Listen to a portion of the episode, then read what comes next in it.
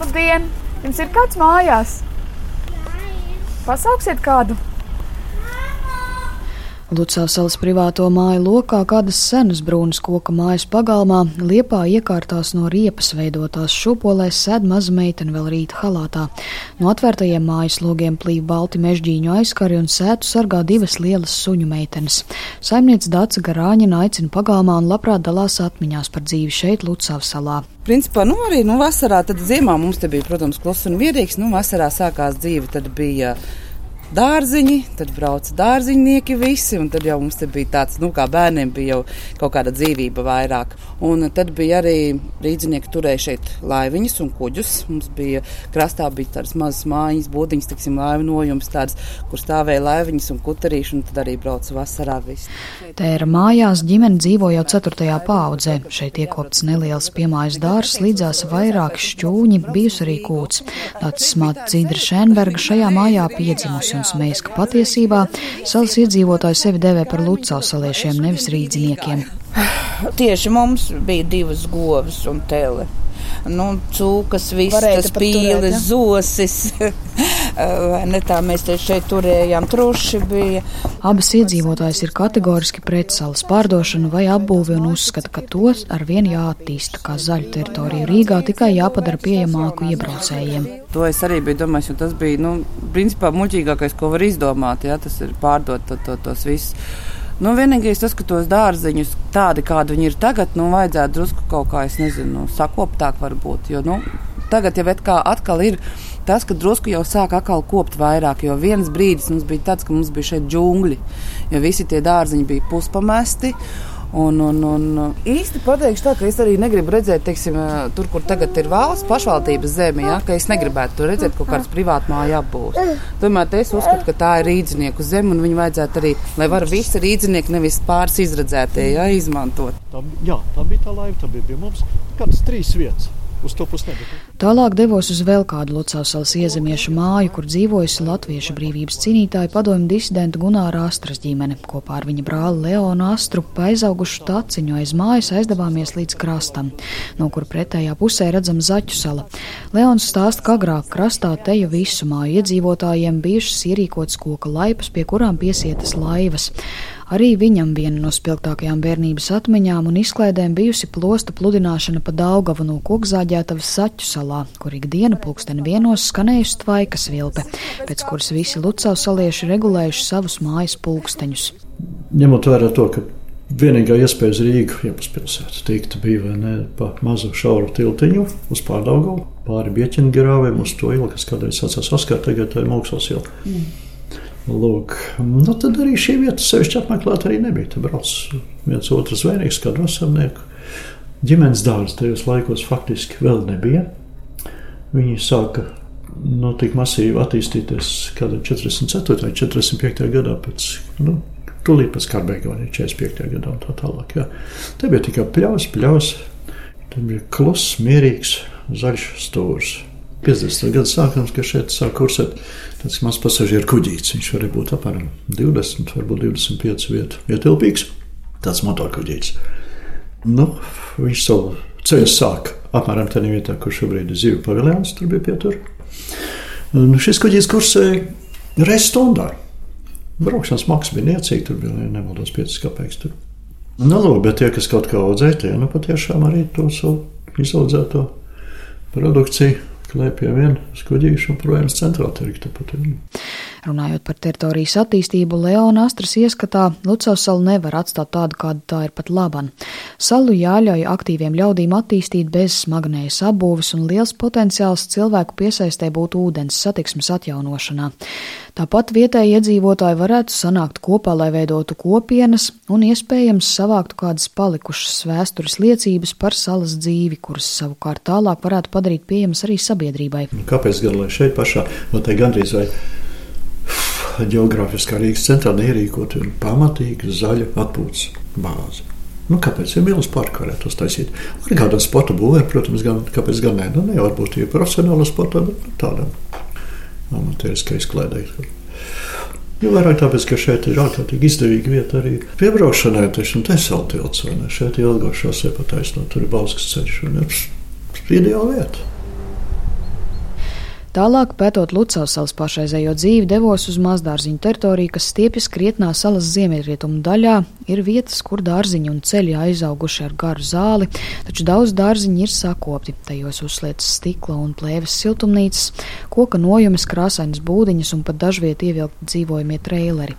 Vienā no zemes ceļiem starp dārziņiem man pretī nāk pensionāri ar spieķi pie rokas, bet otrā rokā kundze saplūkusi kuplus baltus ziedus savā dārzā. Verai Lucausalā vienmēr bijis dārziņš. Mēs nomājām, un tad jau sākam to būdiņu novākt. Jo runa bija par to, ka kāds augsts celtnes būs un tā. Bet es nezinu, ziniet, pilsētas centrs jārēķinās ar, ar pilsētas interesēm. Bet mums jau večiem te ir ļoti laba atpūta. Jā, jo, redziet, labais krasts jau tagad būvēs tur ļoti skaista pastaiga bērniem, un e, mātiem ar e, bērniem ir ļoti ērti, bet man patīk darboties. Ja es varu kaut ko darīt, es e, labāk jūtos, ja es strādāju it kā, bet neatpūšos. Daļu teritorijas apsaimnieko Jumpravas salas ģimenes dārziņu apvienība. Vienā no zemes ceļu tīkla krustojumiem uzslieta oranža koka būdiņa, uz kuras uzraksts Jumpravas salas valdes ēka.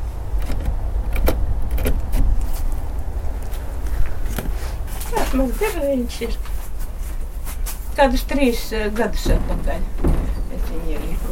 Savu nelielo dārza biroju izrāda kopienas vadītāja Rasma Grīņa. Būdiņā ielikts vecs darba galds un krēsls, logā iekārti aizkari, bet sienas izlīmētas ar vaska drānu, uz kuras lielu saules puķu raksts.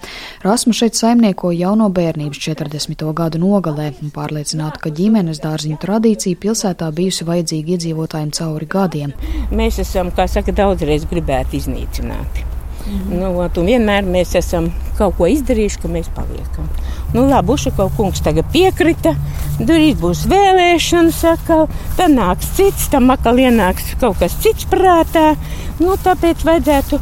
Man... Tomēr var secināt, ka nav tās pilnīgi stabilitātes sajūtas no šī solījuma viena. Nē, nav.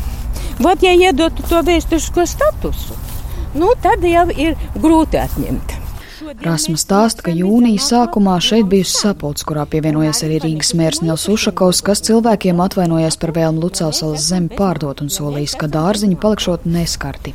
Mēs saprotam, ka elektrība mums neievilks, tas ir ļoti dārgs pasākums, lai gan būtībā mums viss vairāk būtu vajadzīga elektrība, obligāti jābūt pārmērīšanai zemes. Bet es zinu, ka to liek vienmēr uh, nu, pašai uh, biedrībai to darīt.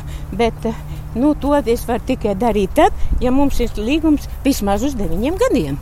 Tad mēs zinām, par kur mēs ieguldam naudu, ja tas ir diezgan dārgs prieks. Vēl kādā no Lucāsalas daļām jau ceturto gadu darbojas Lucāsalas ekokopiena, ko veido jaunieši, kas iekopuši atvērtus dārzus. Viņi stingri pērniestājās pret pašvaldības zemes pārdošanu, rīkojot protestus pie Rācnama, kā arī savākuši vairāk kā tūkstoši iedzīvotāju parakstus pret Lucāsalas izsolīšanu. Pat labam ap 700 ģimeņu saimnieko Lucāsalas dārziņos lēš ekokopienas koordinators Emijas Klavickis. Tuvākajā laikā biedrība plāno arī sākt veidot konkrētus projektus par salas dažādu daļu attīstību un piedāvāt tos Rīgas domes solītajā attīstības padomē.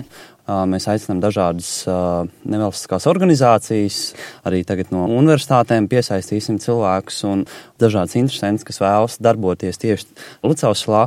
Mūsu tā ilgtermiņa vīzija, kā mēs redzam Lucausalu, tas saistās gan ar izglītību, gan ar kultūru, ar šo ekoloģisko dzīvesveidu, ar to dārzkopību un arī ar sportu un izklaidi. Un mēs vēlamies tā, lai tajā teritorijā, kur ir šie dārzi, un cilvēki viņus apsaimnieko, lai teiksim, tas viss turpinās, bet tajās vietās, kur pagaidām ir tukšs, kā skatīties kaut kādas jaunas iespējas, kādā veidā attīstīt šo teritoriju. Skaidrojot ģimenes dārziņu tradīciju, vēsturiski tie bijuši kā sociālās un ekonomiskās drošības spilvens cilvēkiem krīzes situācijās. Lai arī šodien tas nešķiet tik aktuāli, Latvijas Universitātes Geogrāfijas un Zemes zinātņu fakultātes docente pētniece Kristīna Āboliņa norāda, ka risinājums plašākai salas sakopšanai un pakāpeniskai attīstībai ir ilgtermiņa nomas līgumi. Rīgas domē arī ir ļoti dažādas struktūras, un ja mēs runājam par izpildu direkcijām un izpildu direktoru, tad šis atbalsts ir un šis dialogs ir iespējams, bet tiklīdz mēs aizējām uz plānošanu, kur ir Rīgas attīstības plānu veidošana, tur ir pilnīgi cita nostāja, jo Rīga jebkurš brīvs zemes pleķīts potenciāli tiks skatīts kā oh, iespējamā attīstība kur šeit šīs sociālais aspekts tiek pārstāvēts vismazāk. Tur ir šis nu, vienīgais pagaidām, es domāju, klupšanas akmens eh, tieši pilsētas attīstības departamentā, attīstības plānu veidošanā, šis maģiskais vārds pagaidu zemes izmantošanas veids. Rīgas domas priekšsēdētājs Nils Ušakovs apstiprināja, ka pērn pieņemtais lēmums pārdot pašvaldības zemes Lucavsalā šovasar ir mainīts, lai iedzīvotāji varētu turpināt iekopt mazdārziņus. Tiesa gan zemes gabaliem 103 hektāru platībā neviens pērn izsolē nebija arī pieteicies. Mana pozīcija ir, ka pagājušā gada pieņemtais lēmums par to, ka pārdot visu salu bija nepareizs. Mēs redzam no vienas puses ar katru gadu augušu un augušu pieprasījumu pēc jaunām zāļiem un atvērta zona pilsētā.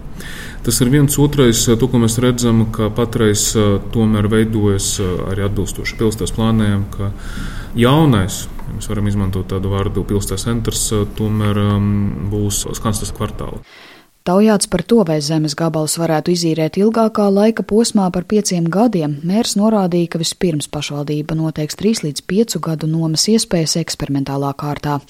Savukārt infrastruktūru sola sakārtot 4 gadu laikā pakāpeniski, vispirms sākšot ar degradēto teritoriju sakopšanu. Mums vajadzēs kopā saprast, patreiz nav atbildes uz šo jautājumu, kur būs tā robeža starp mazdārziņiem, to koloniju, kuru mēs attīstīsim tālāk, un, un, un zaļo zonu. Lēmums par pārdošanu skaidrs tiks mainīts, ko nevar izslēgt. Nu, es arī par to runāju ar attiecīgiem mākslinieku pārstāvjiem, ka līnija, kas ir pie tilta, nu, tas ir sanācis tā viena līnija ar to karautu. Ja mums būs interese no privātiem, tad mēs varētu tur pieņemt lēmumu vienu kaut kādu gabalu, ko atdot tālāk privātiem, komercijai un biznesam. Plus mums ir jāsaprot, ka pie tilta divi lieli zemes gabali pieder privātiem. Viens pieder Merkam, otrais pieder Ektornetam.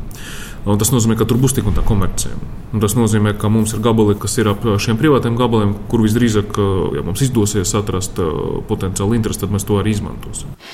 Savukārt iedzīvotājiem solīto Lucavsalas attīstības padomi sola veidot šī mēneša laikā, kuru vadīšot domas pārstāvi iesaistot sabiedriskās organizācijas un kopienas, kas Lucavsalā jau darbojas. Sinti Ambota, Latvijas radio.